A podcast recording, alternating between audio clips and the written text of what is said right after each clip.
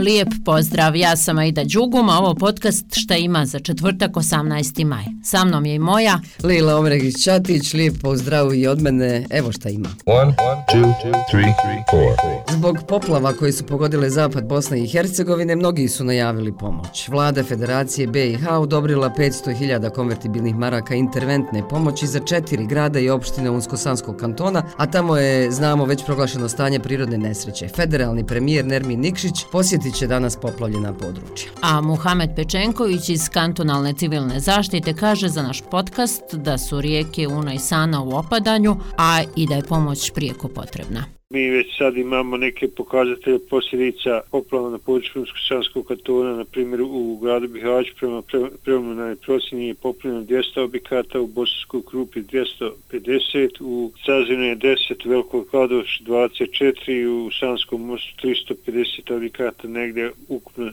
804 objekta. To koliko su štete mi, ćemo znati tek kad se izvrši procjena šteta te i tad se očekuje da i vlada kantona i viši nivoj vas pomognu stavnišno ugroženom području.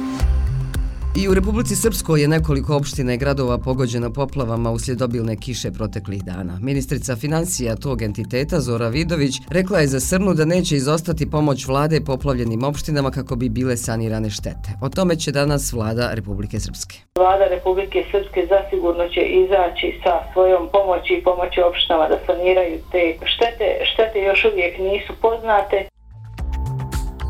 Poplave su napravile i dodatni problem u opštini Jezero gdje se u krugu napuštenog objekta bivše benzinske pumpe izlila nafta. Očekuje se istraga o tome, a evo šta je rekao direktor Republičke uprave civilne zaštite Milan Novitović. Radi se o ekološkoj katastrofi, mi ćemo prema tom zahtevu i postupiti u najkraćem mogućem roku. Državni ministar za ljudska prava i izbjeglice Sevlid Hurtić pokrenuo inicijativu da se pomogne krajini. On očekuje da vijeće ministara danas izdvoji 2 miliona konvertibilnih maraka za pogođena područja. Osim toga, ministar će danas o zajmu za razvojnu politiku zdravstvenih sektora kod EBRD-a i o novcu Evropske unije za energetsku podršku BiH. Od regionalnih i svjetskih vijesti izdvajamo da će Skupština Srbije danas o sigurnosnoj situaciji nakon dva masovna ubistva u Beogradskoj osnovnoj školi i na području Smedereva i Mladenovca. Skupština će i o zahtjevu poslanika opozicijonih stranaka za smjenu ministra unutrašnjih poslova Srbije Bratislava Gašića. E, a Vijeće sigurnosti Ujedinjenih naroda na zahtjev Rusije trebalo bi danas razgovarati o isporuci zapadnog oružja Ukrajini. Očekuje se da će Vijeće održati briefing pod tačkom dnevnog reda prijetnje međunarodnom miru i sigurnosti. One, two, three, four. Uh, teške teme danas.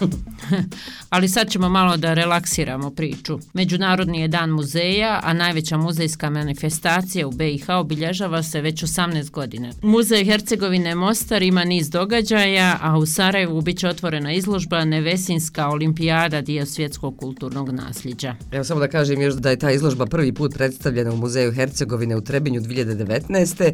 i čime je zvanično počela promocija te gotovo 150 godina stare manifestacije manifestacije, to kažu iz Trebinjskog muzeja Hercegovine. E pa lijepo. E, opet informacija za brigu. Nema predaha.